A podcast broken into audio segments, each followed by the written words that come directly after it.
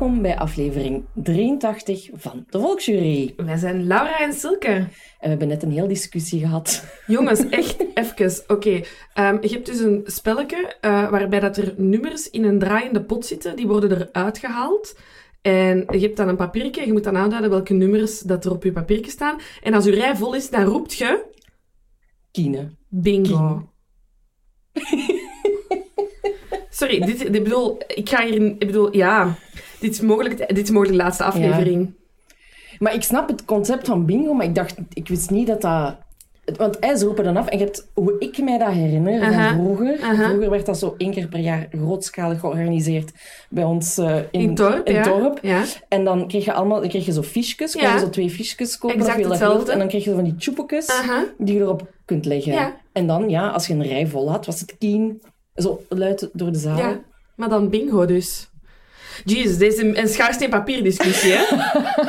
Wat zegt jij? Schaarsteen-papier. Bladsteenschaar. Fucking hell. Ja, ik zoek een nieuwe podcast, vriendin. nee, dat is niet waar. Onze verschillen maken ons tot een mooier geheel.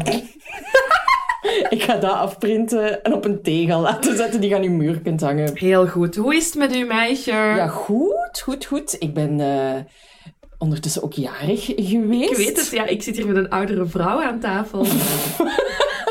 Ja, 31 is toch wel... Het is nog jong, hè? Maar, Super jong. Ja, maar wij schillen dus echt effectief even twee jaar. Heel even, ja. Ja, en ik had ook... ehm, niet dat ik dat voel, hoor, dat wij twee jaar schelen. Maar we hadden... het- Ja, nu, de leeftijd 31, is het moment dat mijn mama is bevallen van mij. Ja. Dus nu denk ik... "Oh, moeten er nu ook baby's komen bij ons? Ja. Nee. Hm. Jammer. Voorlopig misschien nog niet. Nou, oké. Jammer.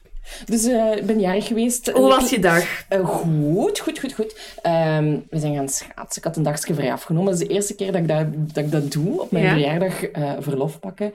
En dan ehm en ik had ook vrij. En dan zijn we gaan schaatsen. We zijn gaan eten. We hebben naar de kasteelmoord gekeken. Best birthday ever. Dus ik heb een heel goede, goede, fijne dag gehad. Oké, leuk. Ja, Mooie cadeautjes gekregen? ja ik heb eh, van... eh, maar dat is ook zo... Nu gaat ze weer kwaad zijn. Dat is zeker waarschijnlijk. Een, ehm, een speaker gekregen, omdat ik graag naar de, ja, ook naar de radio luister en zo, naar muziek, podcasts uiteraard. Mhm. En dat is altijd zo of via mijn laptop of via mijn gsm. En dat is uiteraard nogal schel van geluid. Ja, ja, en dan ja. heb ik had het gehad. dus ze dacht, ik koop iets waar dat ik ook iets aan heb. ja, voilà, voilà. Dus, eh, en met mijn ouders moet ik nog langs gaan en zo. Dus, eh, mijn cadeau is ook nog onderweg. Ja, dus ik niet filmen. dat is ook al een tijdje onderweg. Ja, Maar- ik wacht er al lang op, maar je gaat zo blij zijn. ja, de verwachtingen zijn nu wel heel hoog. Hè? Ik ben benieuwd. Ik was, ook zo, ik was het ook vergeten dat jij nog iets had voor mij. En dan zo vlak voordat jij hier was, Nee. dacht ik... Oh ja, ik kreeg nog een cadeau vandaag.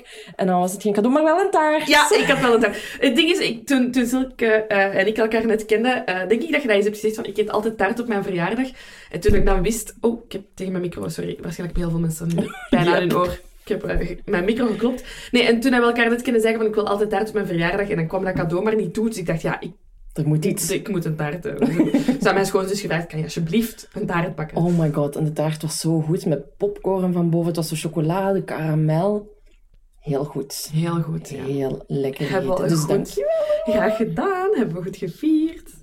Hoe is het met u? Goed, ja, ik, eh, dit is heel eh onnozel, want ik heb in een vorige aflevering, waar technische problemen mee Ah, ja. zijn, helemaal uit de doeken gedaan dat ik twee weken in Oostenrijk eh, ging zitten. Dat is dus ondertussen geweest. Dus jullie gaan me daar nog enthousiast horen over vertellen in een eh, volgende aflevering.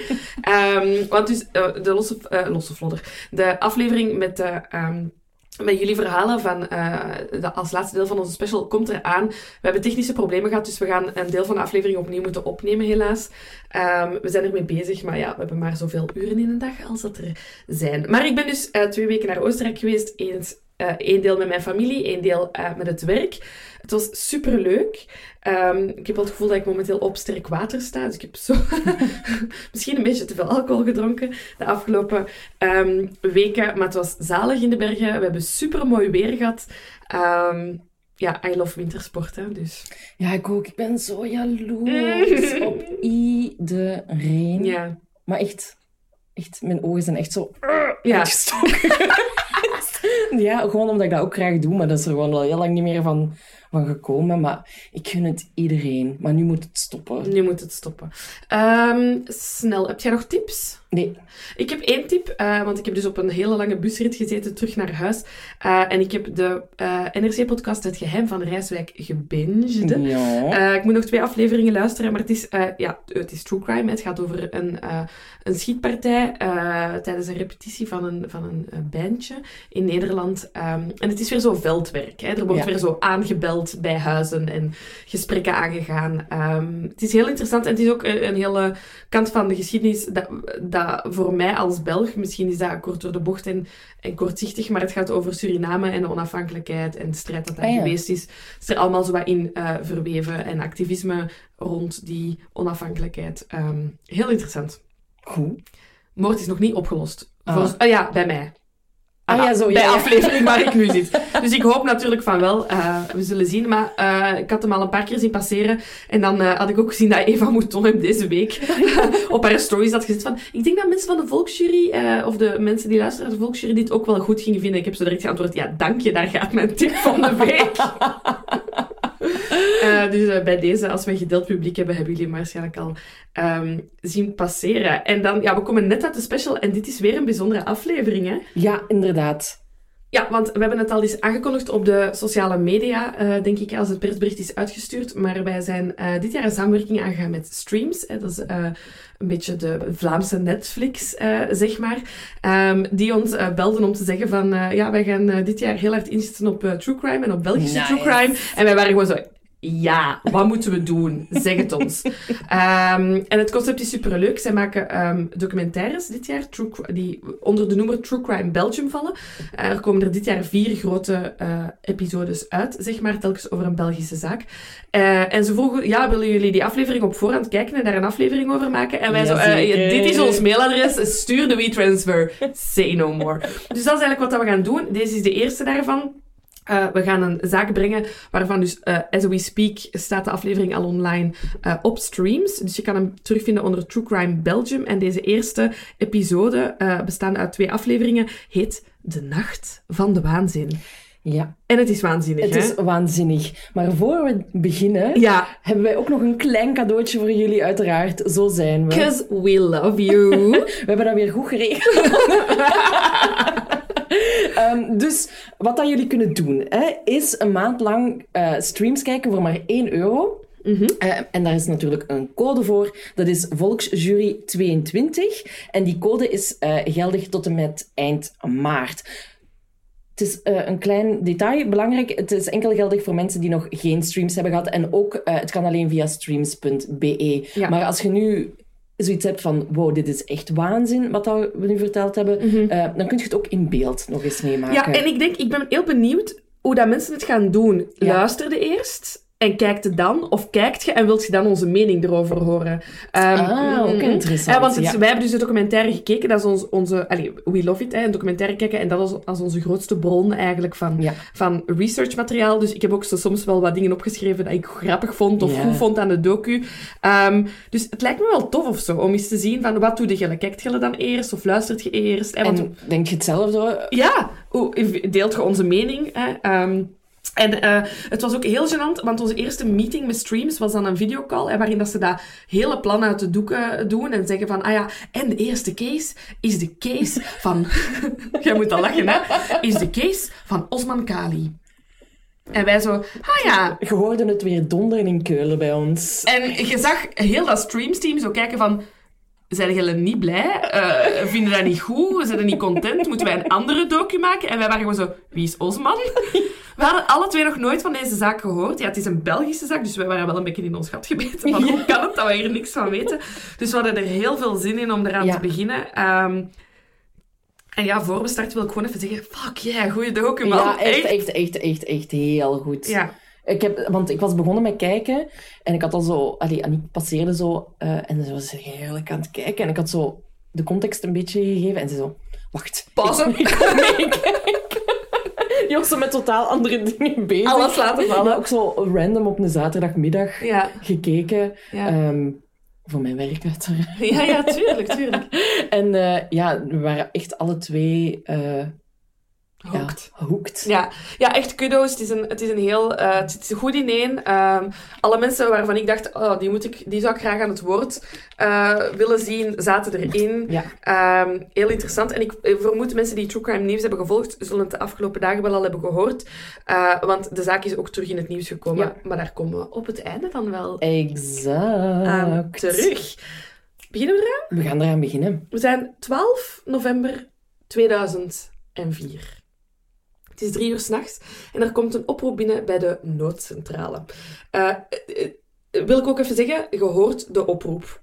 En dat vind ik al goed. Dus de echte oproep van iemand die belt om te zeggen, ja, in de Tolstraat in Nieuwerkerke, dat ligt bij Aalst, er zijn schoten te horen. En die mens is die een uitleg aan het doen en je hoort dus schoten en die mens zegt in die, hoor het, hoor het, daar zijn ze weer. Dus het is, je zit er direct in, Ja. hè, want er wordt over schoten gesproken. Die mens ook geen angst, hè. Ook van, ja, ik zie een auto wegrijden. Eh, wacht, het is, ja, het is een donkere Audi, denk ik. Ja, de nummerplaat kan ik niet zien. Even, duidelijk een true crime fan Ja, die ja, dat ja, heeft ja. gemeld. Maar wat vond ik heel goed om te beginnen met die ehm, oproep. Dus er zijn schoten te horen in de Tolstraat. Wat is er gebeurd? De hulpdiensten komen aan en het is een totale ravage. Zij treffen twee doden aan en één zwaar gewonde. En het volgende shot is Henri de Koman aan het woord en dat is onze zwaar gewonde. Ja. En die begint eigenlijk heel zijn verhaal te Ja. doen. Hè? En, en hij is ehm, ja, samen in 2004 met eh, de 28-jarige Wendy Blendeman. En eh, hij is op dat moment, als ik het in een artikel goed gelezen heb, eh, 39 jaar. Ze zijn al jaren samen, hebben een eh, dochtertje samen ook. En ze zijn eigenlijk die avond nog eh, op bezoek geweest eh, bij vrienden. Ja, gezellige avond. Ja, in, in ook. Hè. En de, de vriendin bij wie ze op bezoek zijn geweest, die komt ook aan het woord. Cut to vriendin Echt. bij wie ze waren. Goed. Heel goed. Eh, Twee mensen die je moet hebben. Nancy Bogaert, hè, en ze zegt in de documentaire, hè, eh, mijn vriend Dirk was eh, met Henri aan het babbelen over dartsen. Heerlijk. Ik ken daar niks van, maar dat is tegenwoordig wel een ding. Het is weer hip, hè? Ja. Ja. En, en Nancy en Wendy die waren wat aan het kaarten. En zowel het dochtertje van Wendy en Henri als het dochtertje van Nancy en Dirk, die waren naar K3 aan het kijken. Maar hoe lang gaat dat al mee in K3? Ja, het is 2004, dus dat is de originele Dus- bezetting, hè? Original, ja, inderdaad. En ja, eh, Nancy zegt, ja, de sfeer zat gewoon goed. We zongen ook allemaal mee. Ehm, en op een gegeven moment toch een rare vibe van Wendy, die tegen Nancy zegt dat ze haar graag ziet en dat ze dat nooit mag vergeten. Mm, Kut naar Henri weer, die zegt, ja, het was eigenlijk een schone, gezellige avond. Mhm. En ehm, ze zijn rond, rond 11 uur, half 12 zijn ze weer thuis. En eh, in hun huis woont dus ook de mama van Henri. Dat is de 62-jarige Marie-Louise de Rob. En eh, dus een tweejarig dochtertje en het zevenjarig zoontje van Wendy uit een vorig huwelijk. Ja. En die lagen al thuis toen die twee eh, weer thuis arriveerden. En dat zie ik dan zo voor mij, want ik ben ook zo Harry, Henri en Wendy die unwinden nog zo'n beetje in bed, tv'tje kijken. Ik ben ook zo, als ik ergens naartoe ben geweest, ik kan niet onmiddellijk Nee, gaan slapen. nog een serietje streams. En... Heel goed. Want de mensen van de streams ook zo... Ja, maar je moet gewoon een normale aflevering. Je moet niks speciaal doen. Je moet ons niet speciaal hard vermelden. Hopla, we zijn echt extra minuten cash. bezig. Ja, wij mogen geen volgende afleveringen meer maken. Bon, dus die zijn tv aan het kijken. eh, en ehm, uiteindelijk vallen ze in slaap. Maar dan, rond een uur of drie, schrikken ze wakker. Ja, er is, eh, ze horen gebeuk op het raam beneden. Eh, het is een heel Vlaams huis, hè, want er is een... ja, ik ken dat woord in het Frans, een volet. Eh, Een rolluik. Een rolluik, ja, de rolluik, sorry. De rolluik van de, de, het grote raam aan de voorkant van het huis is naar beneden. En ze horen gebeuk op die rolluik. Ja. Maar niet gewoon een, een, zatte, een zatte mens dat komt kloppen. Nee, er probeert echt iemand die rolluik kapot te breken. Ja. Ehm, en Harry, man des huizes, die gaat ja, aan het raam boven op de eerste verdieping aan de straatkant kijken. Ja. En hij herkent onmiddellijk ja, de inbreker, zeg maar. Eh, het is de ex-vriend van Wendy, hè, met wie Wendy ook dat eh, zoontje heeft, Osman Kali. Eh, ik zeg Osman Kali, jij ook, maar we weten dat er een andere manier is om Ja, zijn naam ook uit te In spreken. de hè. documentaire zegt een van de speurders die aan bod komt, die zegt van ja, hij herkende zich niet in de naam Kali, maar in Charlie. Ja. Of Charlie. Ja, Maar iedereen gezegd Kali, dus we gaan nog eh, namen eh, vermassacreren waarschijnlijk. Waarschijnlijk, ja. Maar dus zij, hij herkent Osman. En hij ziet ook onmiddellijk dat Osman een geweer bij hem heeft. Want dat geweer wordt onmiddellijk op Henri gericht. Uh, en hij beschrijft het heel schoon in de documentaire. Hij zegt, als mijn vensterbank wat minder breed was geweest, ik was geraakt door de kogel. En meteen dood geweest. Ja, en meteen dood geweest. Um, dus ja, Henri ziet Osman proberen binnen te breken in zijn huis. En niet veel later lukt dat ook. Hè. Dus Osman geraakt door die uh, rolluik, breekt het raam um, en komt, treedt de woning um, binnen. Wacht even scrollen. Um, wil, wil, de feiten of even uitleggen wie Osman is en hoe dat hij... Even de feiten. Even de feiten. Ja, ja, ja. Oké. Okay. Uh, dus eenmaal binnen is Osman duidelijk uh, op zoek naar ja, zijn ex-vriendin uh, Wendy. Maar de eerste persoon die hij tegenkomt is Mar Marie-Louise, de mama van Henri. Zij heeft geen kans op overleven. Zij wordt geliquideerd met één kogel. Dus zij valt ja. daar onmiddellijk dood neer. Wat, dat, wat, dat, wat dat ze vertellen in de documentaire is dat dus Osman binnenkomt, hij ziet een schim ja. rechts van hem of links van hem en hij schiet onmiddellijk. Ja. Dus eigenlijk niet eens te checken wie staat daar eigenlijk. Nee, nee. Dus ja, Marie-Louise maakt geen kans en zij valt eigenlijk onmiddellijk uh, dood neer. Osman merkt dat er beneden niemand meer is, dus hij gaat naar de bovenverdieping. Uh, en uh, de mensen daar zijn verzameld in één kamer. Hè. Dus Met Wendy en Harry. Wendy, Harry en dat tweejarig kind zitten in de slaapkamer van de ouders geloof ik? Of, of ja, het ik kind? dacht, het kind lag bij de oma in, in bed. Ah dus ja, die oké. heeft Okay. Alles zien gebeuren. Ja, niet, die heeft de moorden niet gezien. Ah, oké. Okay. Achteraf. Oké, okay, zo. Uh, maar dus op die, uh, in die slaapkamer um, ja, treft Osman Wendy aan en het is duidelijk dat zij het doelwit is waarvoor dat hij is gekomen. Hij dwingt haar op de knieën. Um, ja, dit is echt... Ja, en hij liquideert haar echt ja, als een... Ja, het is een executie. Mhm. Hè. Hij zet uh, het, het, het pistool of het, het, het, het, geweer tegen haar slaap en hij schiet haar onmiddellijk neer. Henri zit ook in die kamer, hè, de nieuwe vriend van um, Wendy. Ja, pas op, nieuwe vriend. Ze waren toch ook al acht jaar samen. Ja, ja, ja, ja. Maar de eerste vriend na Osman, Ja. zeg maar. Hè, met wie dat zij eigenlijk echt een nieuw leven heeft opgebouwd. Um, en uh, Osman opent ook het vuur op Henri. Um, die krijgt een uh, kogel in zijn linkerborstkas. En als bij wonder overleeft hij uh, Ja. dat. Henri uh, vertelt daar ook over dat hij voelde dat hij nog in leven was en dat hij het ook kon overleven. En dan eh, pakt hij, ik heb erbij geschreven, mijn tactiek. Hij speelt alsof hij dood is. Ja. Slim, want je zou toch mega in paniek zijn. Ook al kunt je je dat voorstellen van, oh, als mij ooit zoiets zou ja. overkomen, ga ik doodspelen. Maar als dat... Ja, je zit niet meer bij zinnen dan, toch? En natuurlijk is hij in paniek, maar dus hij, hij legt zich neer en doet alsof dat hij uh, dood is. Um, en Kali gaat dan, uh, verlaat dan de woning omdat hij denkt van, ja, mijn taak uh, zit erop.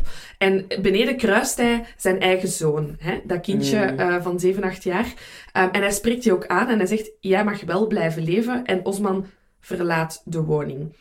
Um, ik vermoed dat dat kind dan naar boven gaat, want Henri vraagt dan aan dat jongetje, ga hulp halen. Ja. En er woont familie echt vlakbij. Ja, de oom. Ja, uh, en dus dat klein kind gaat daar aanbellen in het midden van de nacht. En als die oom die deur open doet, zegt hij... Papa heeft mama neergeschoten. Ik heb dit nu al meerdere keren gehoord, dit verhaal. Ik heb die documentaire ook twee keer gezien. Mm -hmm. En nu dit weer. En gewoon die zin, papa heeft mama gedood. Ja. En die kinderen, wat dat ze ook vertellen, is dat het dochtertje... Dat ze dat hebben aangetroffen terwijl ze naast haar mama zat. Ja. In, een, in een plas bloed. Ja. Um, bon, wie was Osman? Wie was Osman? Ik heb uh, gevonden over Osman dat hij op het moment van de feiten 35 jaar was. Hij is geboren op 10 december in 1969 in Emirdag. Het is een Turks stadje van waaruit eigenlijk heel veel mensen uh, ja, vertrokken zijn. En die wonen nu vooral, of destijds, uh, in Schaarbeek en, en in Gent. En uh, in Emerdag is het eigenlijk zo dat België heel populair wordt gemaakt. Mm -hmm. Van, ja. kijk, daar gaat je echt rijk worden. Um, en het is eigenlijk, ja, zo las ik het dan in een artikel, een ticket naar het paradijs. Ja. En uh, Osman is dan als een twintiger uh, in ons land aangekomen. Uh, hij, ja, wat dat heel veel migranten eigenlijk doen, werken, wat geld opsturen naar de familie. En uiteraard moet er een goede vrouw gezocht worden. Ja. Hè. Um, wat deed hij zoal van jobjes? Hij was eerst even schoonmaker in, ja, zo, in bedrijven en dergelijke. En dan is hij aan de slag gegaan als wegenwerker. En dan vindt hij op een gegeven moment een vrouw. Uh, is een vrouw die 15 jaar ouder is. En hij ontmoet die in het nachtleven in Aalst. En ja, ze trouwen ook. Mm -hmm. Maar al snel loopt dat ook wel spaak, omdat Mhm. die vrouw hem geen zoon kan schenken. Ja. Hè? Ehm, dus bon, die, die wegen scheiden weer. Mhm. En dan leert hij in 1995 leert hij Wendy kennen, die dan op dat moment eh 17 jaar oud is. Hij is dan 26. Ehm, en in de documentaire komt ook naar voren van ja, Osman was eigenlijk echt een lieve, Ja, een, een goede gast. gast. Ja. Hopla, daar zijn we weer. Eh, er, was, ehm, er was niks op aan te merken. En bij Wendy thuis ging het niet zo goed, eh, wordt er ook verteld. Eh, dus ze beslisten eigenlijk al snel om bij Osman in te trekken. Ehm, en ja, ze wordt dan vrij snel zwanger. En eh, was eigenlijk ja, best wel blij toen Osman dan voorstelde om in de zomer van 1996 naar Turkije te reizen om De familie te ontmoeten, ja, hè? de familie te ontmoeten. En, maar mm, dat reisje wordt al snel een, een nachtmerrie. Ja. ehm, want daar komt Wendy er eigenlijk achter dat Osman eh, eigenlijk al getrouwd was met die vorige vrouw. Ja. En komt er dan ook nog eens achter dat hij nog niet helemaal gescheiden is van die vrouw. Nee. En dan is er ook nog broer Zeki, Ja. hè, de broer van Osman. Die wou eigenlijk ook graag naar België Ja, komen. en die zag het niet zitten om die harde, de harde weg dat Osman heeft moeten afleggen van echt eh, starten bij zware arbeid en heel dat migratieproces zelf uit te zoeken. Dus Osman was er niet beter op gekomen dan te zeggen, maar weet je wat, Zeki, trouwde jij anders met mijn vriendin Wendy? Ehm, ja, schijnhuwelijken. Ja. Het is echt een concept dat we eh, bij, in onze streek wel kennen. Ehm, en ja, dan is, dan is eigenlijk alles opgelost. Eh, Little did they know dat de Belgische wetgeving een kluwe is. Ehm, en dat dus hoogzwangere Wendy trouwt met Zeki. Zij stemt daar ja, mee in. Ja, zij is 18 jaar Mhm. oud op dat moment. Dat kind weet ook niet wat, dat ze, Nee. allee, wat dat ze moet Ze doen. zit daar in een, in een voor haar vreemd land. Ja, Ja, ze heeft niemand om even... Allee, ja, je weet dat ze thuis in een, in, in een niet zo super situatie zat met haar ouders. Dus ja, eh, zij stemt daarin toe. Ehm, en zij trouwt met Zeki. Ehm, en eenmaal in België wordt dat huwelijk weer ontbonden. Maar op dat moment eh, ja, zit Wendy met een eh, zwangere buik. En wordt er dus vanuit de Belgische overheid... Een Allee, ja, jij bent getrouwd met die Zeki, dus die zal wel de vader van uw kind Ja. zijn. Dus officieel, volgens Belgische wetgeving, is Zeki de vader van... De wettelijke vader van Osmans zoon. Ja. En, En- dat wordt niet zo goed aanvaard Nee, door zekere Osman. Nee, nee, Osman is daar niet zo blij mee. Ja, waarom? Die relatie loopt dan eigenlijk ook vrij snel spaak hè, tussen eh, Wendy en Osman. En ja, het probleem is natuurlijk dat hij officieel geen zoon heeft. Want officieel is die zoon van Zeki. Ehm, ik denk ook niet dat Wendy slechte bedoelingen heeft. En dat ze zeker op een soort van ook ouderschap wil uitwerken. Maar dat was gewoon niet mogelijk wettelijk. Ja, en pas op, er was ook wel sprake van eh, geweld, ook binnen die relatie. Absoluut, maar het is niet dat Wendy eh, daar outspoken over was. Nee, hè? nee, nee, Eh, dus klopt. het, het is niet dat zij echt dat hoederrecht van dat kind bij, bij zich hield. Maar volgens het wettelijk kader ging dat niet. En daarbij kwam dan dat intrafamiliaal geweld en stalking na de, na de, na de breuk tussen beiden.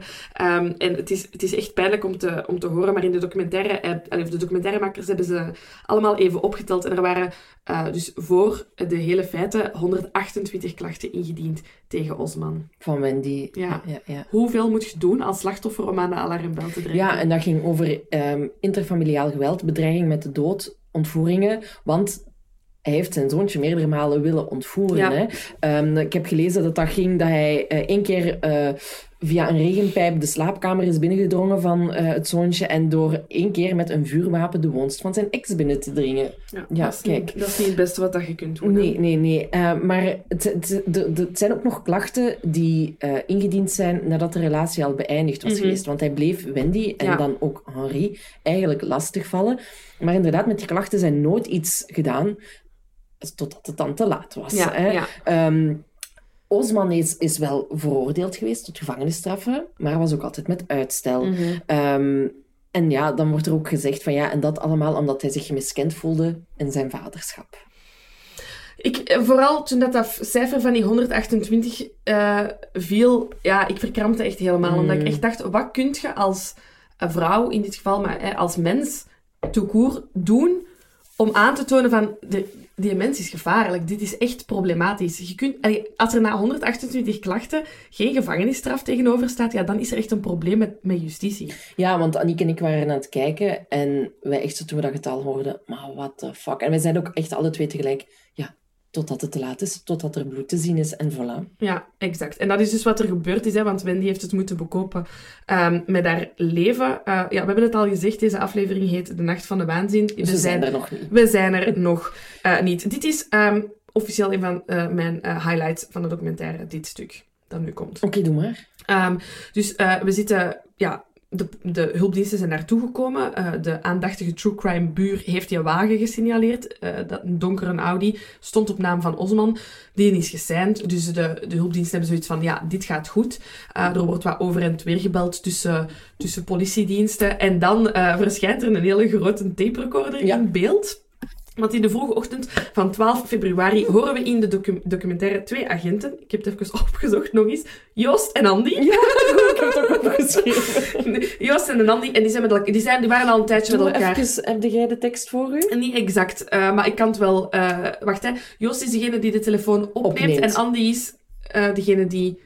Die het vertelt. Ja, Zal ik Andy... Ja, ja. Oké, dus, dus Joost pakt op. Ja, hè, ja hallo en, met Joost. en Andy begint meteen te vertellen. Ja. In verband met die schietpartij in Aalst. Het is vrij verdacht allemaal. Je hebt mij daar een naam opgegeven. Kali Osman.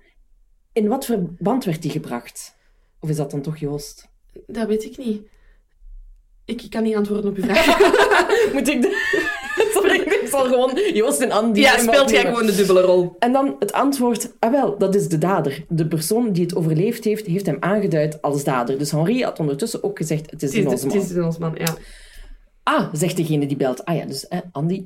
Eh, we zitten hier met een brand in de Gasmeterstraat en dat is waarschijnlijk het adres van Kali Osman. En ik heb daar iets vernomen van twee bewusteloze mensen. Dat gaat nog een venijnig staartje krijgen. Ja, ja. Dus dat is deel 1. Ja, en dan eh, ja, belt een Andy terug naar de Joost met de gevleugelde woorden.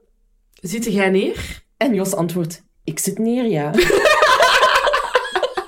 Oké, het is echt gruwelijk hierna, Ja. maar dat was zo goed. Ja. Zo goed dat die communicatie bewaard is. Maar weet je wat het ook is? Die eh, zijn dat op een, op tot bepaalde hoogte gewend om dit soort conversaties te hebben met elkaar. Maar het feit dat die twee tegen elkaar... allee, dus Zit je neer. Ja, zit je neer, dan weet je, oké, wat nu komt is niet goed. En het is ook echt niet goed. Nee, want Andy zegt...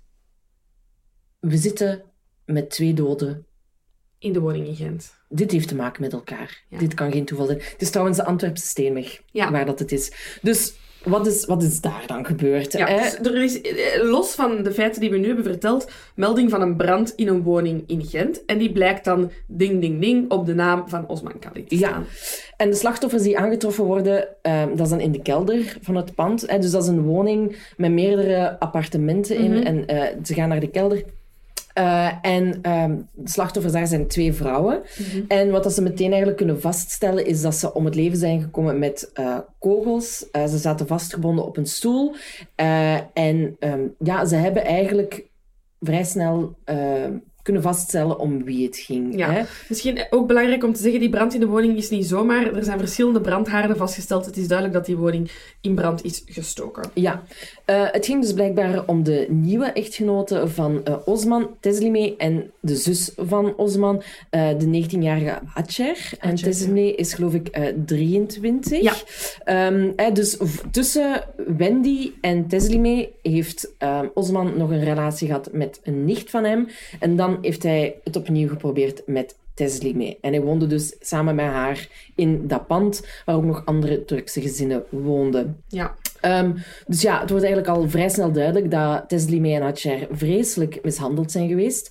Ehm, zo blijkt dat Hacher eh, zware verwondingen had aan haar benen. Uh, Teslimé had snijwonden in haar gezicht.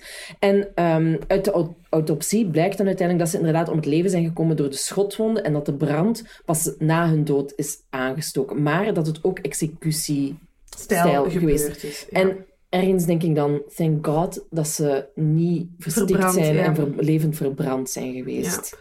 Om deze feiten te schetsen moeten we terug naar donderdagochtend 11 november 2004.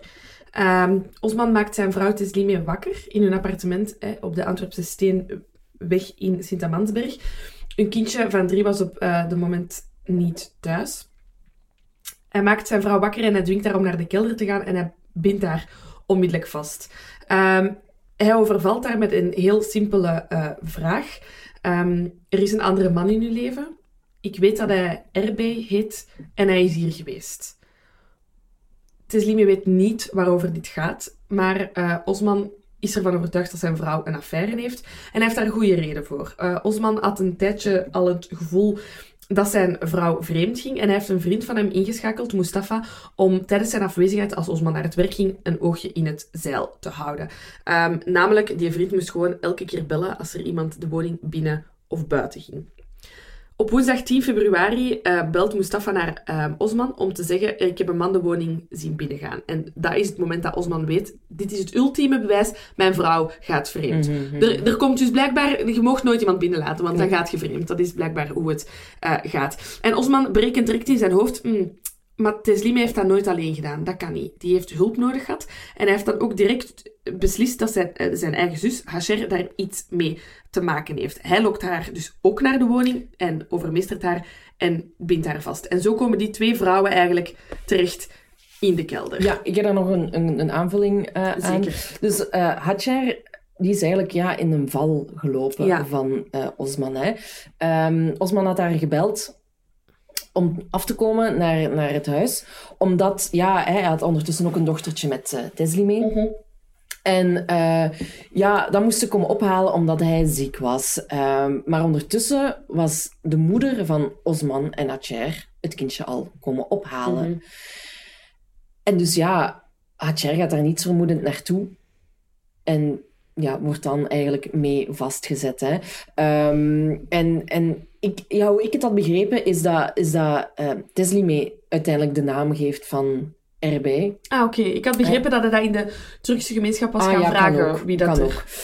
Um, dus, um, maar zij, zij geeft in eerste instantie totaal niet toe. Mm -hmm. um, totdat ze natuurlijk op een gegeven moment tussen aanhalingstekens, volledige bekentenissen uh, aflegt. Hè. En um, zo staat er dan in een artikel, of zo werd het in de documentaire gezegd, zijn repliek kwam in de vorm van een paar geweerschoten. Hè. En Hacher is daar dan ook het slachtoffer van geworden, omdat zij op de hoogte zou geweest zijn van de ontrouw van Ja. Teslimé. Um, en dat ze Osman, haar broer, haar Ja. bloedeigen broer, daar niet van op de hoogte had gebracht. Um, ze had hem dus letterlijk verraden en was volgens hem dus zijn zus ook niet meer. Dus die banden worden echt meteen doorgeknipt. ja. En um, er is nog een ander motief Ja. voor dat ook een rol speelt. Um, want Osman heeft de gsm van Hacher ingekeken. En er stonden sms'en in waaruit bleek dat Hacher uh, zwanger zou zijn van een Belgische jongen. Ja, terwijl ze... ehm, ik denk dat niet op zich... Of ja, misschien was dat wel een probleem dat hij Belgisch was, maar het grote probleem was dat Hacher getrouwd was met een man die in Turkije woonde. Ja, in juni ook pas. Hè. Ja. De feiten spelen zich af in uh, november. Dus Osman maakt de optelsom 1 plus 1 is 2. Hacher en Deslimé hebben geen reden meer om nog te leven. En ze voeren dan ook een autopsie uit uh, op Hacher. En ze bleek eigenlijk al uh, een achttal weken zwanger te zijn. Yep. Um, en het loopt eigenlijk allemaal hand in hand. Hè, want uh, door... Hè, Teslimé is inderdaad um, ontrouw geweest, maar Osman redeneert ook, dat is ook de schuld van Hacher, Mhm. want Hacher is een vrijgevochten vrouw. Die wil heel graag op haar eigen benen staan. Um, en, en Teslimé, ze, nee, ze zou een slechte invloed hebben gehad op Teslimé. Um, en ja, Teslimé heeft ook vaak klachten ingediend tegen Osman uh, voor intrafamiliaal geweld. Zoals... Dat was blijkbaar ook moeilijk uh, bij de Belgische overheid om dat allemaal aan elkaar te linken bij justitie. Ja, dat maar ze was soms ook tussen aanhalingstekens weer van de trap gevallen. Mm -hmm. En er was sprake van herhaaldelijk stomp geweld. En ze nam eigenlijk al stappen om te scheiden ja. van Osman. Ja, inderdaad. En dat is dus ook iets waar dat Osman dan uh, ja, in zijn klein onderzoek is achtergekomen. Um, en hij zou ook uh, een soort van sms-verkeer tussen Hacher en Teslimé hebben gelezen, waarin dat Hacher zei van, kijk, hey, we kunnen dit samen. Um, en hij zag, dat, hij zag gewoon twee vrijgevochten vrouwen en dat was een groot probleem. Dat was een zeer groot probleem. Uh, maar we, we, weten dus dat die... Dat die um, dat, dat deze martelingen eigenlijk zijn begonnen op donderdag. En dat de vrouwen eigenlijk echt pas die nacht, de vrijdag... Um... Ik dacht zelfs al woensdag. Dat, het, eh, dat, ze, dat ze... Woensdag heeft hij het gezien. Ja, hoe, hoe, hoe dat ik het had begrepen, is dat, er, dat hij woensdag al wel met de bevragingen van Teslimé is begonnen. Ah, en ja. al bewerkt heeft met een Stanley-mes. Ja. En dat Hacher dan op een gegeven moment is aangekomen. Ik weet niet of dat, dat op woensdag of donderdag ja. is. En dat ze dan naar de kelder gesleurd zijn. Uh, en daar zijn vastgebonden. Eh, aan handen en voeten, mond Ja. getaped. Ja, maar de, de effectieve moorden, hè, de schoten, die, die worden eigenlijk pas gelost de, nacht, de vrijdagnacht om twee uur. En een uur later weten we dat hij dus ja, bij de woning van ehm, Harry en Wendy. Wendy. stond. Er is een moment van twijfel geweest. allee, of toch een moment van eh, ja, nood aan overleg bij eh, Osman. Ehm, want hij heeft nog naar de imam gebeld Ja. in eh, Gent, eh Mushin Paksoy. Ehm, ja, ik vermoed dat hij toch twijfelde van wat moet ik doen. Hè? En hij heeft aan de imam uitgelegd van kijk, mijn vrouw is ehm, overspelig. Eh, ja, mag ik die dan nu vermoorden? Ehm, en de imam heeft ook uh, Teslime zelf aan de telefoon gehad. Ja, waarin dat zij dus echt ook aangeeft van gast, ik word hier... Allee, niet gast, ik, maar zo van ik word... Zij was echt over Wordt het voeren. Ik word gefolterd. Ehm, maar die imam heeft toch wat diplomatisch proberen aan te pakken. eh, en heeft, eh, zegt hij achteraf, getuigt hij achteraf, ehm, geadviseerd aan ehm, Osman om zich aan de Belgische wetgeving te houden. Ehm, wat dat we dan wel ook weten, is dat hij gewoon de telefoon achteraf heeft neergelegd en nooit naar de hulpdienst is gegaan. Nee, Dus nee, nee. is er een kans geweest dat die vrouwen het hadden overleefd als die imam ja, de hulpdienst had gebeld? Daar komen we nog op terug bij het proces. Ah ja, dat is goed. Goed. Dat is goed. Wat Nog een- ik nog even zien waar ik nog had. Ik Ehm, had nog dat emotioneel kledingstuk. Ah ja, doe maar. Ja. Ehm, dus eh Teslime is eigenlijk teruggevonden met een eh, stuk stof in haar hand. En achteraf is gebleken dat dat een kledingstukje was van haar eh, dochtertje. Ehm, zij heeft tijdens die folteringen aan Osman gevraagd of ze haar dochtertje nog mocht zien. Maar dat, ja, dat heeft hij snel afgewimpeld. Maar ze zei dan van, ja, mag ik dan toch iets hebben van haar dat ik eh, kan vasthouden? En eh, ze had dan een, een roze jurkje of, of rokje in haar handen. Eh, allee, zo hebben ze haar eigenlijk aangetroffen. Ehm, en in de documentaire, ik weet niet, ik denk dat het de onderzoeksrechter was, dat dat gewoon zei, dat zij van, ja, ze wou precies, ze wist dat ze aan haar, dat ze dit niet ging overleven, maar ze wou dat graag hebben om op een of andere manier toch een boodschap te kunnen geven hè, aan haar dochter als ze ouder is van, je waart bij mij in, Mhm. in, mijn, in mijn laatste eh, gedachten. Ehm, en dan heb ik nog opgeschreven dat er zeven schoten zijn gelost in Ja. totaal. En dan eigenlijk, nadat hij de, de twee vrouwen heeft eh, vermoord, is hij terug naar boven gerend. Ehm, heeft gewoon zijn jas gepakt en heeft dan eh, brand gesticht. Ja. Eh, Dat is ook belangrijk, hè? Waarom? Ja, ja, ja, er moet inderdaad. gebrand worden. Ehm, dus in de documentaire wordt opgelegd, eh, uitgelegd van ja, er zijn zonden gepleegd en ja, natuurlijk moet dat gereinigd worden. En dan denk ik, pak dan gewoon wat salie. beetje etherische olie, dat is ook goed. Het moet niet zo extreem. Maar bon, Er zijn Het- blijkbaar maar twee opties. ja, Het is brand of zuur. Ja. Andy Pandy. Ja, ja, dus hij heeft, heeft eigenlijk dat, dat in brand gestoken. Maar wat, dat ook, wat dat ook gezegd wordt in de documentaire, is dat, de, de, dat en Teslime nog ehm, ritueel gereinigd zijn. Dus die wisten wat dat er ging gebeuren. Ja. Die wisten dat ze gingen sterven. Mhm. Ik krijg echt kippenvel van Ja, op dit ik ook. moment. Ehm, dus ja, hij, hij, hij, ja dus, hij, die, die brand is inderdaad niet zomaar gesticht. Hè? Nee. Of omdat hij zich wat ontdoen van de lichamen of wat dan ook. Nee, Nee. Dat, was, dat had een specifiek ehm, religieuze of rituele insteek. Ja, en eh, dat wordt ook gewoon een beetje gesterkt. eh, dit alles, allee, we, kunnen, we hebben het nu nog niet gezegd, maar het is overduidelijk dat we hier met een, met een eremoord zitten. Hè, dat we dan met dat Mm. motief van ik moet de eer van mijn familie redden. In het hoofd van Osman was dat de enige manier. Ja, en wat dat ook raar is, ehm, dat er blijkbaar z- wordt er ook gesproken met families en dergelijke van, van de twee vrouwen. En ze doen eigenlijk alsof dat ze Hatcher en Teslime niet meer kennen. Nee. Alle foto's van Hatcher zijn weg bij de moeder. Ja, En die, denkt, "Ah, ik ken- die zegt, ik ken geen Hatcher. Dus dan rijst natuurlijk ook de vraag, was het al geweten, ook in de, in de ja gemeenschap? die, voor, die voorbedachte raden is een, is, een, allee, is een belangrijk punt om enerzijds voorbe- voorbedachte raden, maar anderzijds ook inderdaad dat, dat, dat, dat binnen ik, het gezin van, van Osman die eremoord wel als een legit ding of zo werd gezien. Ehm, ik, we- dat kunnen we niet zeggen over de gemeenschap, maar daar komen we straks, want dat wordt heel mooi Ja. weerlegd in eh, de documentaire. Toen had ik echt tranen in mijn ogen. Maar binnen het gezin kun je wel stellen ja, dat er heel veel mensen... Ja, hij, allee, Osman volgde in alles wat dat hij deed. En dat Ja. is echt een groot probleem. Ehm, want de waanzin is nog niet voorbij. Nee, de waanzin is nog niet voorbij. Ehm, dus Osman is weer vertrokken uit zijn huis. En, ehm, Dan pleegt hij de Wendy eh, en Harry moord. Hè? Ja, ja, ja. Dus hè, na, na de moorden in Aalst en Gent, hè, er was al een klopjacht. Ja. eh, maar nu echt, allee, ik bedoel, eh, na de moord, sorry. Dus na de moorden in Aalst en Gent wordt er sowieso een klopjacht eh, opgericht. We hebben de telefoontjes gehad Ja. van de man die meldde van er zijn hier schoten gehoord.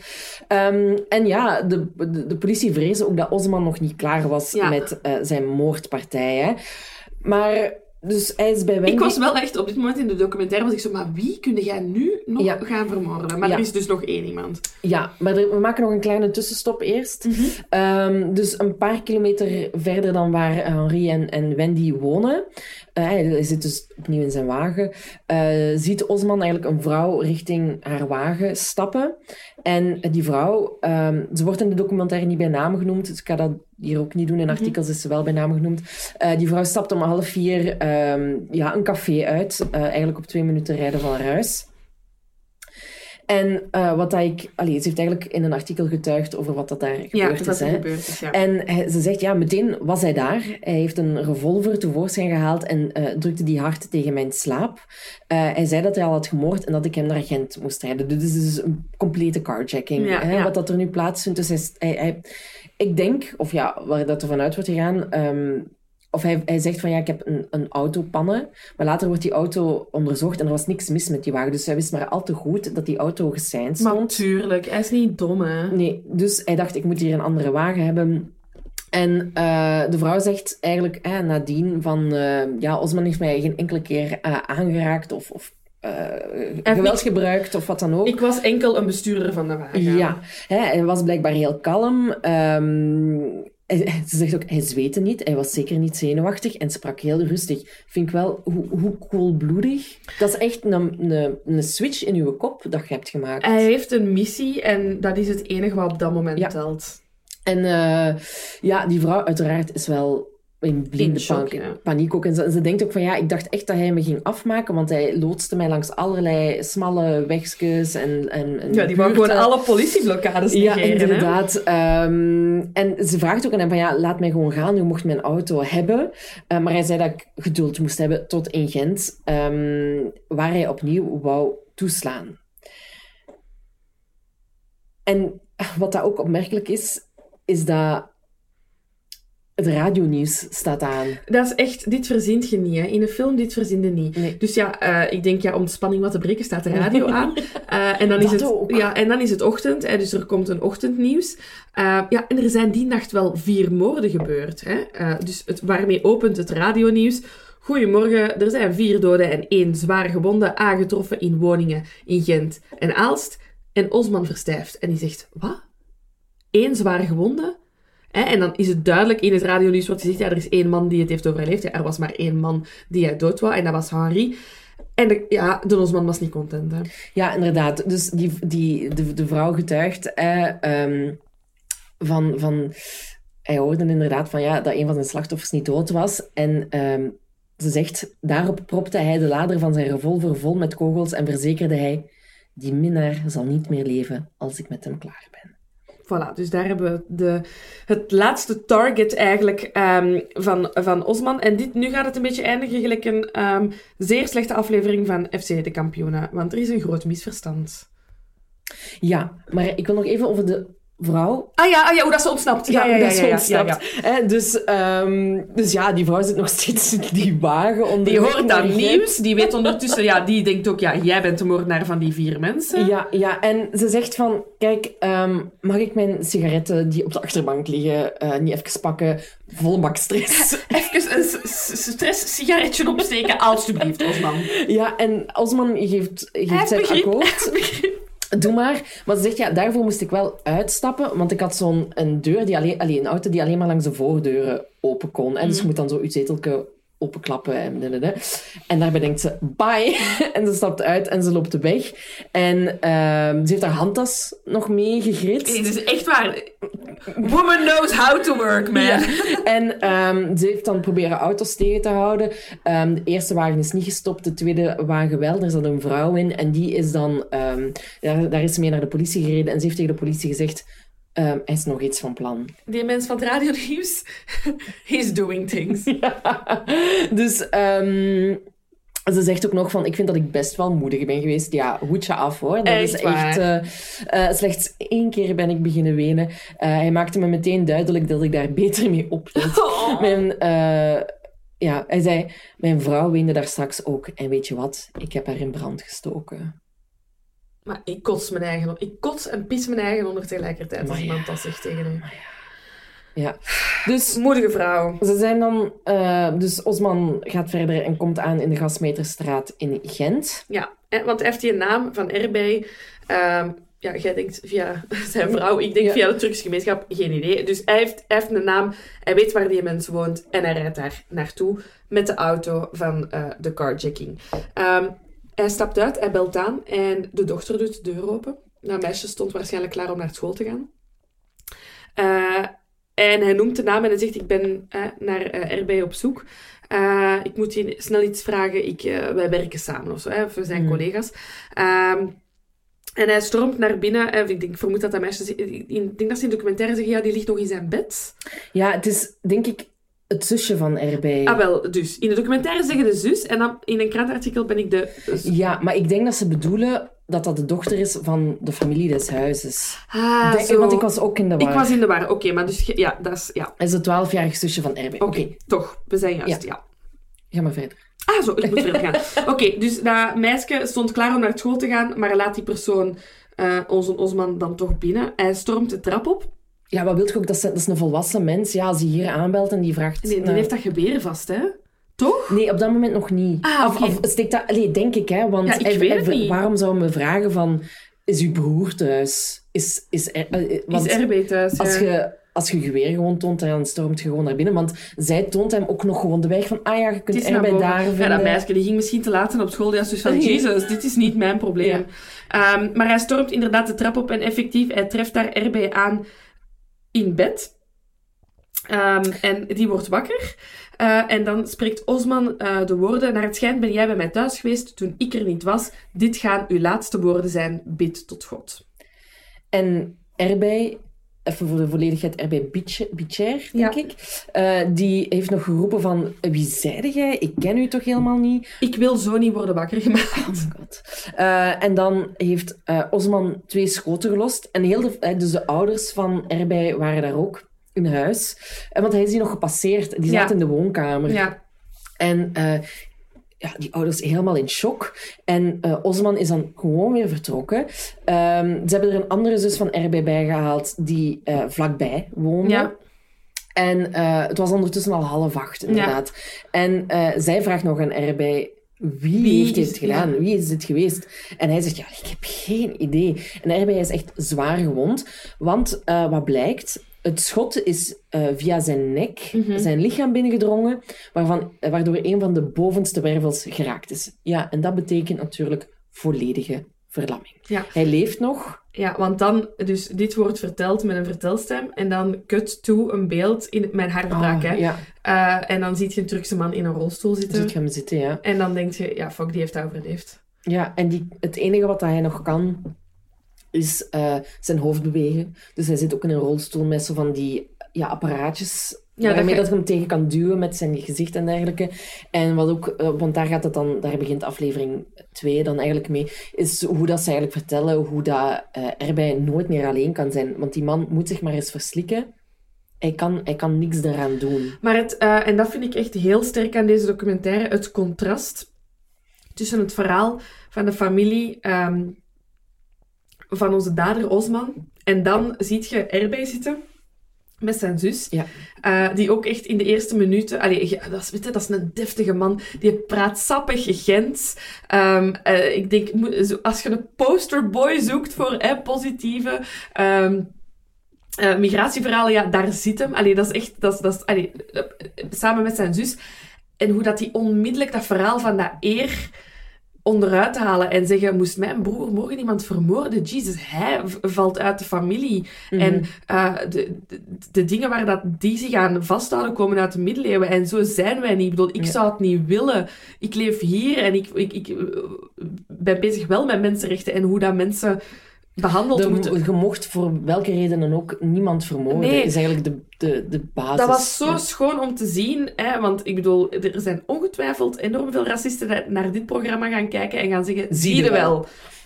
Oh, dit is weer gênant aan het worden. En echt waar, ik daag u uit om dan te kijken naar de tweede aflevering en ja, mijn hart, allee, dat, dat was echt, het was moeilijk, maar ook zo schoon om te zien Mhm. hoe dat zij eigenlijk, ja, dat, zijn, dat is hetzelfde verhaal. Hè. Dat is ook een familie geïmmigreerd uit, allee, eh, uit Turkije. Hoe dat ze dat totaal anders aanpakken en, en aantonen van ik, ik draag mijn cultuur met een warm hart, maar ik ga niemand fucking vermoorden. Dat heeft niks te maken met ons geloof en met wie wij zijn.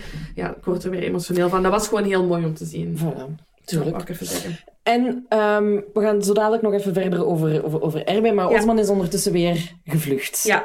En eh, uit het huis van Erbe in Gent. En onze speurder Rudy van Damme Ah, ik heb erbij geschreven Rudy Held. is op weg naar de federale kazerne in Gent. Het is een dag begint. Ja, het is geen normaal politiekantoor. Dat is echt zo een gesloten poort Ja. waar alleen je met een badge binnen kunt. Ja. Ehm, en hij heeft natuurlijk ook al gehoord van wat er die nacht allemaal eh, is gebeurd. En net wanneer hij zich wil parkeren in die eh, kazerne, ziet hij een man passeren. Een figuur. Een figuur in een zwarte jas. Ehm, en terwijl Rudy zo, en die staat zo voor die poort, hè, op die parkeerplaats, wil hij zo zijn badge pakken. En met dat hij zich zo terugkeert naar zijn, naar zijn stuur, ehm, Staat er ineens iemand aan zijn raam? staat er iemand eh, aan, zijn, eh, aan zijn raam. ehm, en die man die trekt zijn wapen. En eh, uiteraard is het Osman. Ja.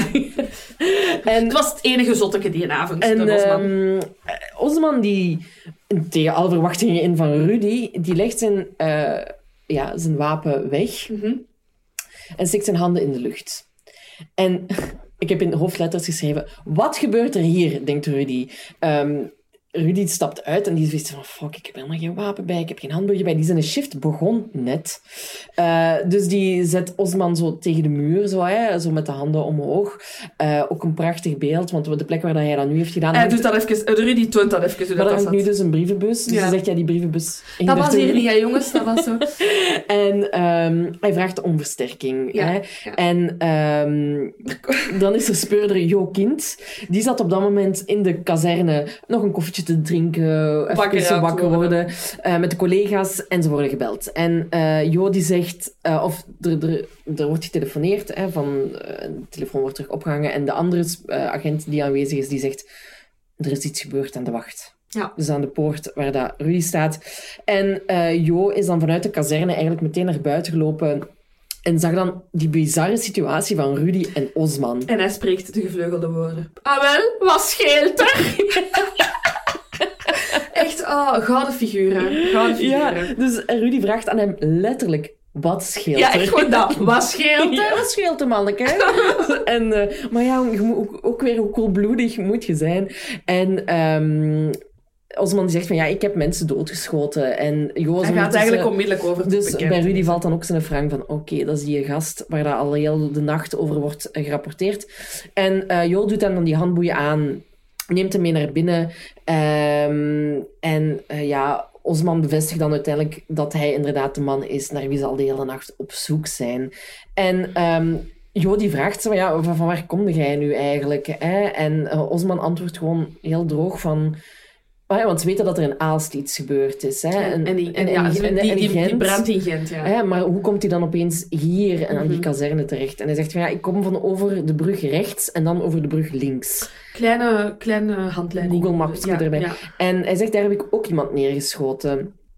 Eh, dus Jo komt er dan al snel achter, oké, 1 plus 1 is 2, hè, de brug over hier, de brug over daar. Het, was, het was een goede wegbeschrijving. Dat dat, dat moet hem geven. Dat dat het de gasmeterstraat is en stuurt daar ook zijn mensen op af.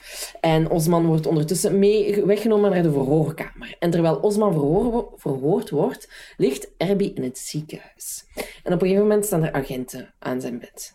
En die zeggen, we weten eigenlijk waarom dat hij u geviseerd heeft. Eh, en ja, wat blijkt? Ja, die agenten zeggen eigenlijk, ja, allee, waarom ben jij nu de minnaar geworden van die zijn vrouw? Je moet toch niet, allee, die scheefpoeperij doet daar toch niet aan mee. Die RB die denkt, What the fuck is is Osman, wie is Teslie mee? En dit is zo, dit is echt, dit, dit is de slechtste Ja. aflevering van FC de Kampioenen ooit. Ehm, dus RB, zijn naam schrijft je E B-E-Y. Ja. En hij vertelt daar zelf ook over, ik ben de enige erbij in Gent. Er is Ja. geen twijfel mogelijk. Maar er is een foute naam aan Osman doorgegeven, want de minnaar van zijn vrouw Teslime was erbij met een A.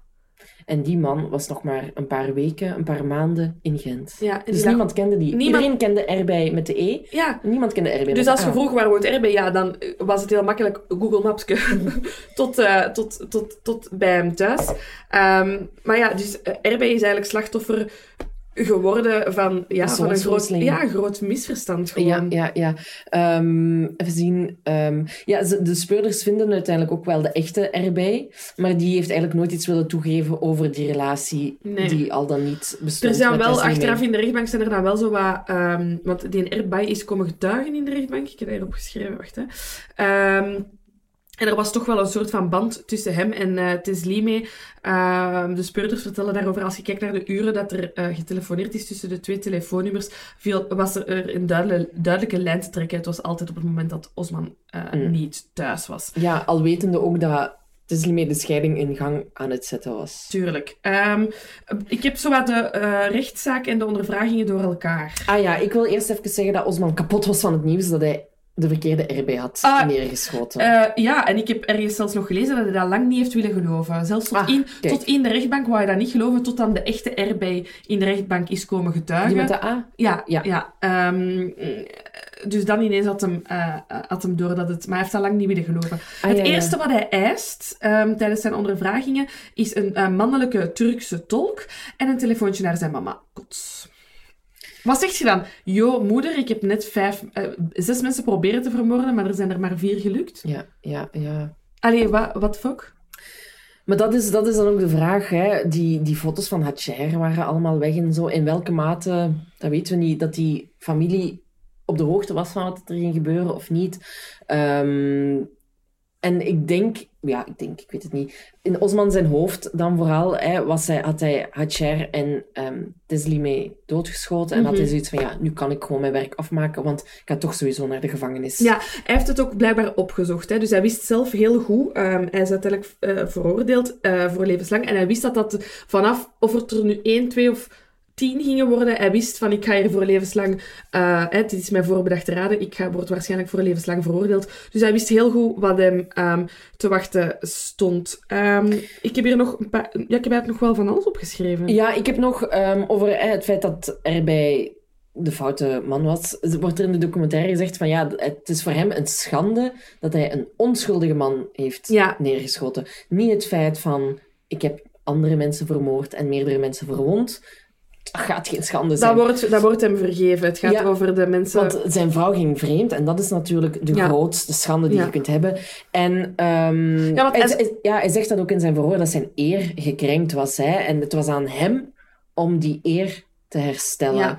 Ehm, maar dan komt ook naar buiten dat hij zelf vreemd ging. Ja, maar dat is geen probleem. Maar dat is geen probleem, want hij ging ehm, vreemd met een vrouw die niet getrouwd was. Maar erbij was ook niet getrouwd. Het is echt Maar zo... zijn vrouw wel. Ah, ja. Was wel getrouwd met Osman. Ja, Dus ja, getrouwde vrouw kan niet vreemd gaan, maar een getrouwde man wel. wel. Ja, oké.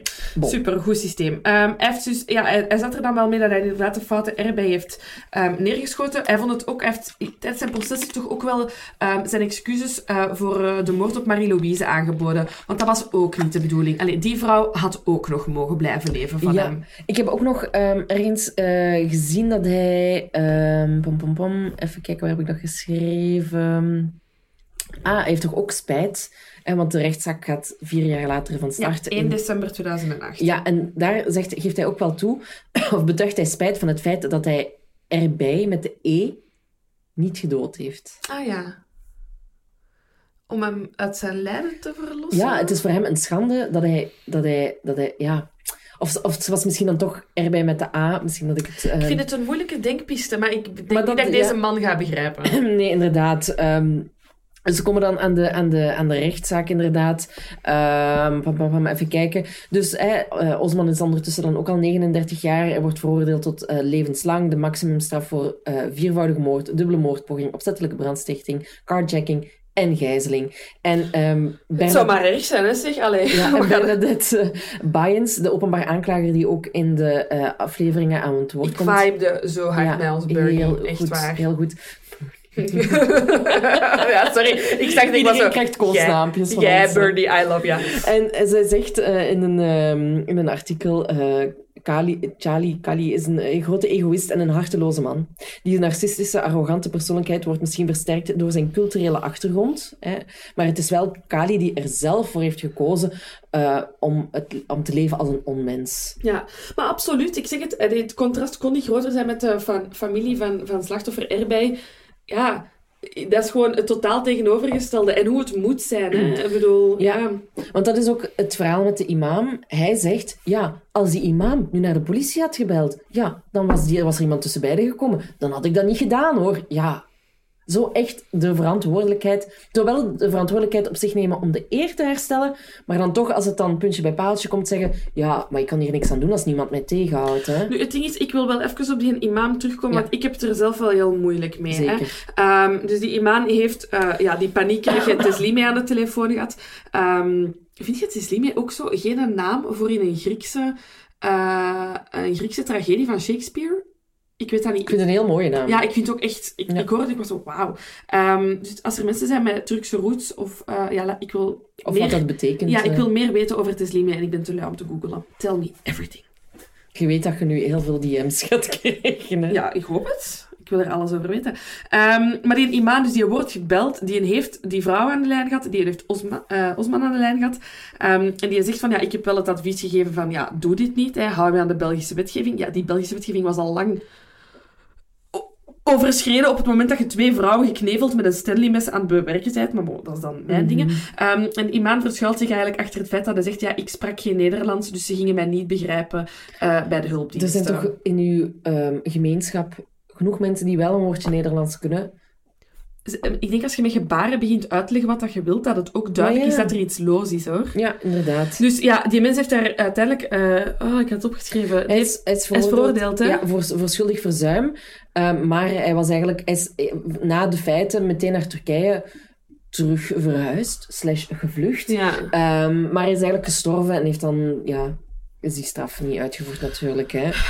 Typisch. Ehm, ik heb nog, ah ja, dus eigenlijk waar dat nu de laatste dagen Ja, over, over eh, verhuizen naar Turkije gesproken. Hm? Eh, dus, blijkbaar is eh, Osman... Ja, de documentaire eindigt eigenlijk hè, met de slachtoffers Harry, die nog in leven is, en ehm erbij. RB, die nog in leven is. En van, ja, hij heeft levenslang gekregen, en nu? En zij geven alle twee aan, We weten het we niet. weten het niet. Hè? En ik dacht direct, ik ga beginnen googlen.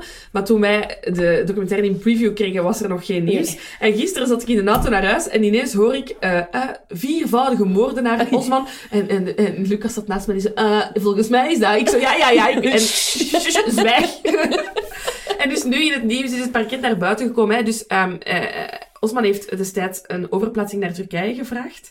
Ehm, en hij ging daar zijn straf verder uitzitten. Maar er- dan was er een groot vraagteken voor Belgische justitie. Maar wat blijkt nu? Ja, hij is vrij. Ja, dus ehm, wat heb ik hier gevonden in een artikel van, van het, eh, het laatste nieuws? Dus eh Ergen die, die verdedigde Osman eh, tijdens zijn assiseproces, die zegt hij heeft in Turkije drie jaar in de cel gezeten. Dus hij is hij veroordeeld in 2008 en in 2013 is hij naar Turkije gegaan. Dus hij zegt, sinds september 2016 kende Osman halve vrijheid. En ook dat heeft uiteindelijk drie jaar geduurd. En die periode is rimpelloos verlopen. Wat daar, wat daar concreet is, dat weet ik niet, maar ik stel me voor dat ik hij denk dan... dat hij geen andere vrouwen heeft, eh, geen andere echtgenotes of minnaars heeft vermoord. Maar dat zal niet zo moeilijk geweest zijn.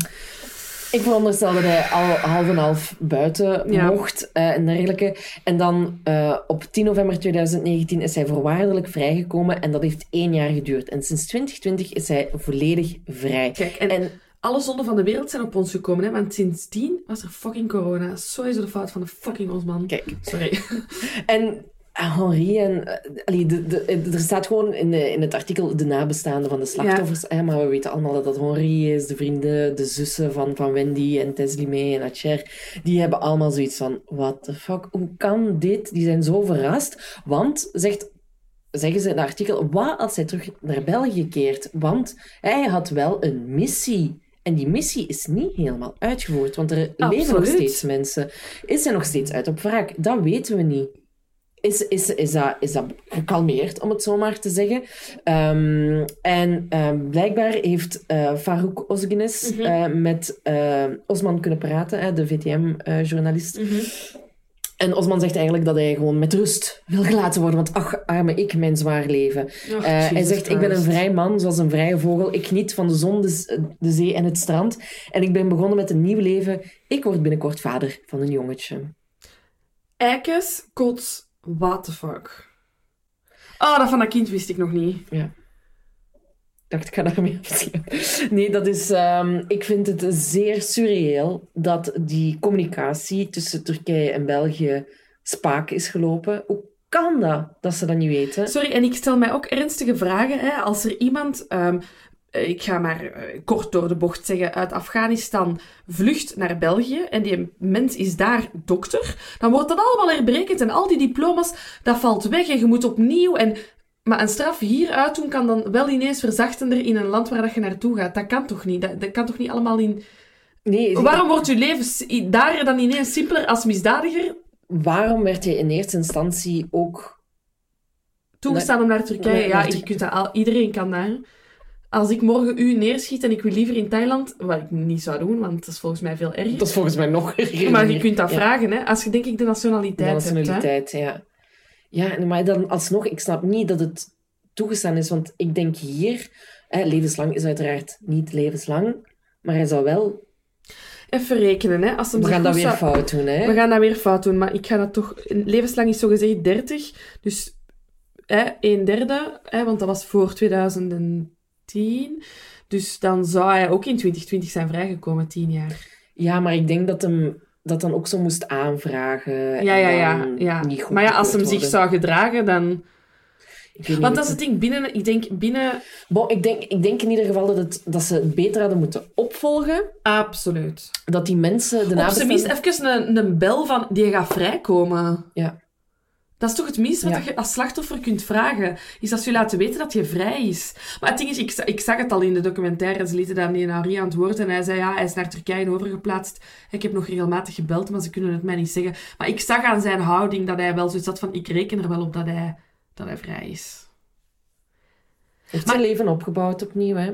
Ja, echt eh, verschrikkelijk. En waar ik al, een, al sinds ik de documentaire heb gezien en nu ook dat nieuws heb gehoord over zit van, denkt jij dat hij nog is in staat is om dit te doen? Zeker. Ja, ik ook. Ja. Zeker. Waarom... de- manier, de koelbloedigheid en Ja, de ja. argumenten die hij aanhaalt om het te doen, Ja, ja. kan morgen zo opnieuw Ah, gebeuren. wel, ja, ja, dat denk ik dus ook. En dat is wat dat mij heel angstig maakt, zo'n dingen. Ja, en voor hetzelfde geld staat hem hier morgen weer. Ik denk, die zal wel vrij zijn om te reizen ook. Hij is een vrij man. Ah ja, tuurlijk. Ehm, Maar wat een documentaire. Wat een documentaire, wat een zaak. Ik, ik, ik was zo wat lastig op mezelf, inderdaad, omdat ik het niet kende. Maar we Ja. hadden het erover en je zei, ja, het was 2004. Wij waren gewoon te jong. Te- Maar dan nog, weet je, zo een, een, een Freddy Orion, de vampier van, van Muis. Dat zijn allemaal van die namen Ja, Die- ik... die Mm. echt zo bekend zijn. Maar dat is natuurlijk ook al langer geleden. Ja, ik vrees Ja. helaas dat Ja, ja. eh, eh, afkomst van de slachtoffers Zeker. er van alles mee te maken En zal van de hebben. dader en van de natuurlijk ook. Hè. dader. Ja, pas op, da- daar zouden bepaalde groepen in ons land gretig Tuurlijk, gebruik van willen maken. Maar we zitten natuurlijk wel met, met drie van de zes slachtoffers. Ik ga overlevende zwaar gewonden meerekenen. Drie van de zes slachtoffers van andere origine. Hè. Absoluut, en dat is zeker een probleem in ons medialandschap, om het zo Mhm. maar te noemen. Ik weet het uit eigen ervaring. Ja, Dus dat heeft, dat heeft daar zeker, zeker een rol eh, in gespeeld. Dus ik ben zeer blij eigenlijk dat Streams heeft beslist om hier een, eh, iets mee te doen. om het te brengen en om het zo genuanceerd te brengen en om het, het, het, het complete eh, tegen, allee, om, om echt, je had die een RB, ik had, er zo, ik had het er zo voor, ik, wou, die kon, ik kon daar naar blijven luisteren. Mhm. Die kon zo goed vertellen, die kon dat zo genuanceerd en ik zou kwaad zijn, man. Ja, want hij vertelt ook dat ehm en zijn zus gehoord hebben of dat er geroddeld werd terwijl de zus erbij was. En die zaten in de bus toevallig. En ze hoorden eigenlijk dat ze, dat ze het goedkeurden wat Osman had gedaan. Ja, dus er zit wel een groot verschil in die Turkse gemeenschap, of in, in, in ik weet niet of het Niet de Turks- Tur- niet ja. de Turkse gemeenschap, maar toch binnen die Gentse groep, zeg Ja. maar, dat er effectief ook wel mensen waren die het goed, goed spraken. Dus ik vond het heel goed dat, er, dat de twee partijen aan het woord werden gelaten. Dat, dat die ook zeiden van, ja, er is wel ook een heel groot deel van onze gemeenschap dat zoiets heeft van, die is zot, die, allee, daar wil ik Mhm. niet mee vereenzelvigd worden. Ehm, dus dat, dat vond ik heel goed gedaan in de Ja. documentaire. En verder, ehm, ja, gewoon heel goede interviews. Ja, en, en, en ik wil ook gewoon, gewoon nog wel even zeggen dat inderdaad zo eermoorden en zo, ik heb het niet opgezocht, maar het gebeurt ook nog wel Tuurlijk. steeds. En Ja. Ehm, ik vind het zeer goed dat het op deze manier ook nog eens in de picture wordt gezet. Want er is ook nog ehm, verklaard geweest door een van de ad- advocaten van Osman ehm, dat het helemaal geen eerwraak was, hoor, of eermoord, maar dat het ja, een ander lullig motief. Het eh, eerste wat hij zegt als hij, als hij zichzelf gaat aangeven is: Ik moest de eer van de familie redden. Sorry, ik bedoel, eh, ja. maar- ja. het is gewoon helaas een eremoord. Dat is het gewoon. En eh, ja, het is echt gewoon een waanzinnige nacht. Bedoel, tussen twee uur s'nachts en half acht 's ochtends heeft hij zes mensen aangevallen, waarvan vier het leven hebben gelaten. Mhm. Ja, het is crazy, hè? Mhm, mhm. Ja, ik ben benieuwd naar de volgende aflevering. Jesus, en dat is nog wachten, hè? Want dus vier per jaar. En ze hebben echt gezegd, ja, het gaat echt zo om de... Allee, exact vier per jaar, dus om de... Wat is dat, drie maand? Oh ja, ieder kwartaal. Ja, ieder kwartaal. Oh. Een boekhoudkunde. Ja, ik denk niet dat ze het zo zien. Maar toch, maar ik Ja. vond het eh, enorm de moeite. Ik ben heel benieuwd, want ja, ik denk dat ze wel een- een- nog één zaak hebben gezegd aan ons dat ze gingen doen in de meeting, dat ik nog weet. Ah ja. Maar niet allemaal. Ja, ik zeg het eens. tussenbied, maar niet allemaal. Maar ik kijk er wel echt naar uit. Ja, ik ben echt onder de indruk. Ja, goed werk geleverd. Eh, want het is niet makkelijk om iets te brengen. Ook zo niet te veel reconstructie. Het stuk wat dat ze met dan ehm, het politieagent doen, hè, die het zelf effectief Ja. naspeelt, dat werkte heel goed. Maar Ehm, voor de rest is het eigenlijk veel archiefmateriaal Ja. en mensen aan het woord ja, laten. en dat vond ik heel fijn, want ik haat eh, van die...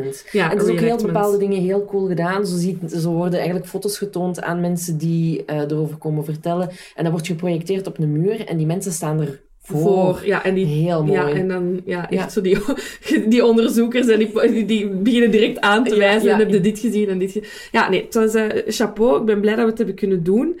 Eh, ik hoop dat jullie deze aflevering ook boeiend vonden en nu niet zoiets hebben van, ja, f- Inderdaad, ik, vond, ik vond hem alleszins eh, zeer eh, interessant en goed dat dit nog eens op de kaart wordt gezet. Ja, heel benieuwd naar de volgende. Dankjewel om te luisteren. Er komt ergens ooit random nog eens de eh, verhalen van de luisteraars eh, ertussen. Ehm, maar onze reguliere afleveringen gaan van nu gewoon terug om de twee weken eh, Ja. van start. Dus de volgende hoor je over twee weken. Maar er zal dan ergens een snoepje verschijnen tussendoor. Een hè? klein snoepje lekker. Een klein snoepje. Jam, jam, jam, jam, jam. Stop! Oké, we gaan afsluiten. Oké, bye!